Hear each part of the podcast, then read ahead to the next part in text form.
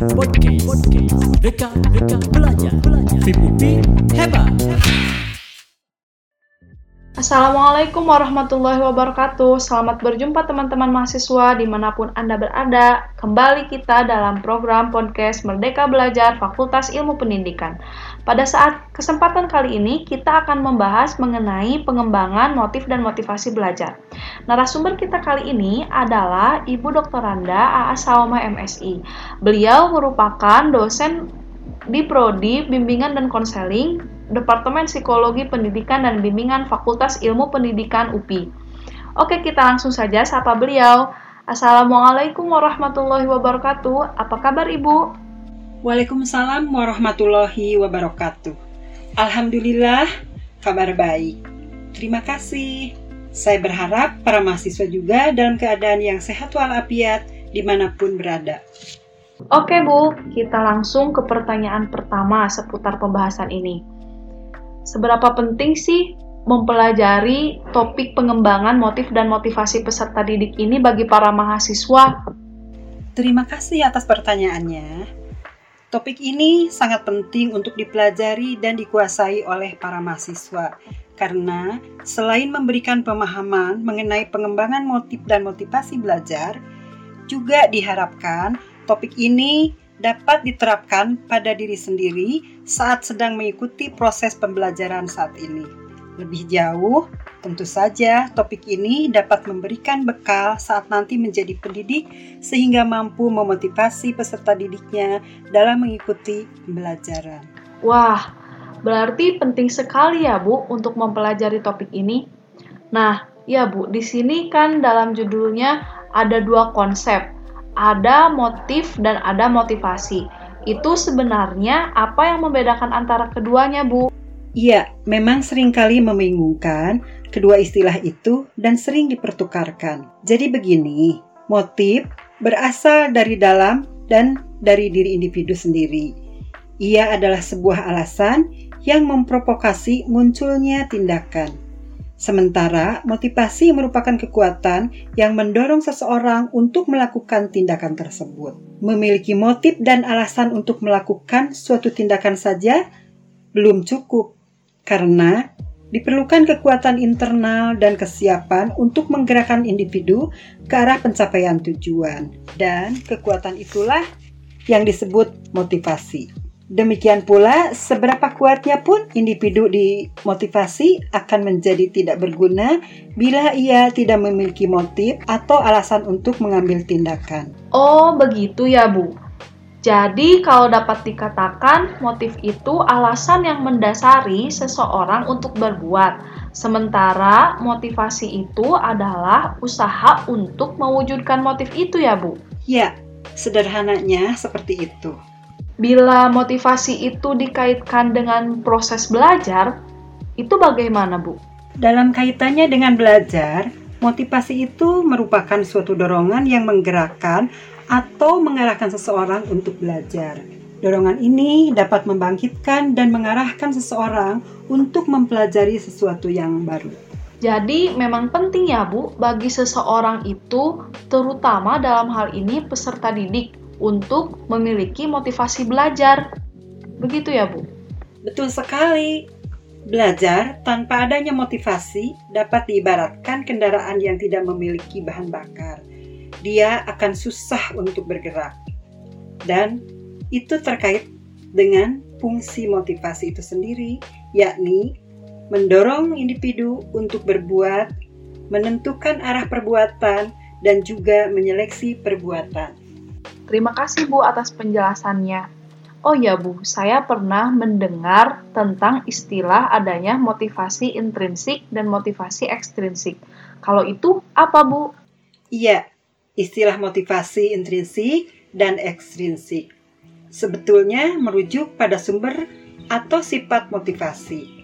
Motivasi intrinsik merupakan bentuk dorongan yang datang dari diri sendiri dan tidak perlu rangsangan dari luar Dorongan ini bersifat attitude atau self-motivation.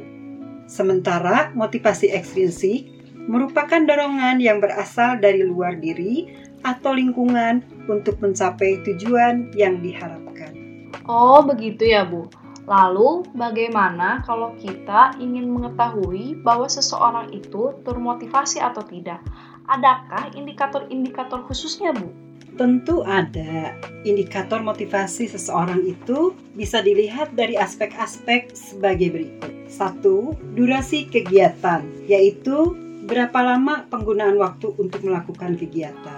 Dua, frekuensi kegiatan, yaitu seberapa sering kegiatan dalam periode tertentu. Tiga, persistensi atau ketepatan dan kelekatan pada tujuan. Empat, ketabahan keuletan, dan kemampuan dalam menghadapi rintangan atau kesulitan untuk mencapai tujuan. 5. Devosi atau pengabdian dan pengorbanan yang meliputi uang, tenaga, pikiran, bahkan jiwa dan raga. 6. Tingkatan aspirasi, misalnya maksud, rencana, cita-cita, sasaran, atau target, dan ideologinya yang hendak dicapai dengan kegiatan yang dilakukan.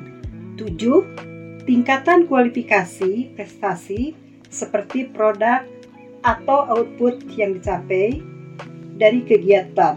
Berapa banyak, memadai atau tidak, memuaskan atau tidak. 8. Arah sikap terhadap sasaran kegiatan yang mengarah pada like atau dislike atau positif dan negatif. Ternyata banyak ya Bu indikator motivasi itu. Untuk dapat mengukur indikator motivasi itu bisa dengan cara apa saja Bu? Ya, ada beberapa cara untuk mengukur motivasi. Misalnya dengan tes proyeksi, kuesioner atau angket, observasi perilaku, mengarang bebas, dan tes prestasi serta skala sikap. Oh iya, jadi bisa dengan beberapa macam cara ya Bu untuk mengukur motivasi itu. Lalu sebetulnya faktor-faktor yang mempengaruhi motivasi itu apa saja Bu? Motivasi sebagai aspek psikologis dalam diri individu tidak berdiri sendiri, namun didukung dan dipengaruhi oleh banyak faktor. Faktor tersebut secara umum dibagi dua, yakni internal dan eksternal. Faktor internal yakni faktor yang berasal dari dalam diri individu sendiri, misalnya karakteristik pribadi, kesehatan fisik dan mental, serta atribut psikologis yang dimiliki. Faktor eksternal yaitu faktor yang berasal dari luar diri individu, di antaranya kondisi keluarga, lingkungan sekolah, teman sebaya, dan lingkungan tempat tinggal. Wah, banyak dan luas juga ya, Bu faktor yang mempengaruhi motivasi itu? Betul sekali dan sangat kompleks ya. Baik, Bu. Ini pertanyaan terakhir. Gini, Bu, sering kali di sekolah ditemukan peserta didik yang sepertinya tidak memiliki motivasi belajar.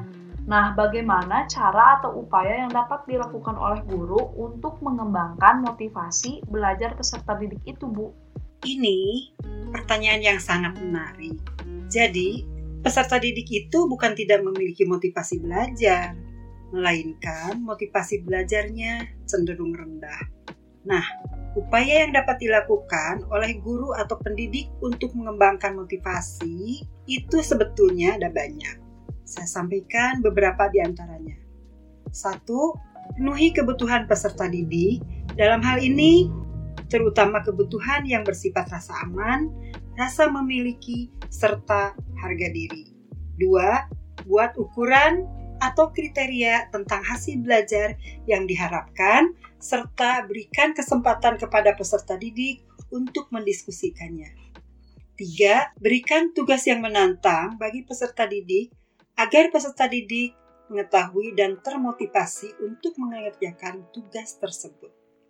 Empat, beri kesempatan untuk sukses kepada setiap peserta didik sesuai dengan potensi yang dimilikinya. 5. Kenali sifat-sifat peserta didik sehingga mereka merasa dihargai dan dapat diberikan bimbingan dengan cara paling tepat. 6. Pelihara kesehatan dan kebugaran peserta didik agar mereka senantiasa bersemangat serta tidak mudah terganggu karena penyakit. 7 Hindarkan sugesti dan kondisi negatif yang akan dapat menghambat kesiapan peserta didik dalam mengikuti proses pembelajaran. 8. Ciptakan situasi kompetisi yang sehat, terutama kompetisi dengan diri sendiri atau self competition. 9. Adakan matchmaking atas dasar prinsip goal gradients atau pendekatan-pendekatan pada tujuan dengan harapan semakin dekat pada tujuan akan semakin termotivasi dan berusaha keras untuk mencapai tujuan tersebut. 10.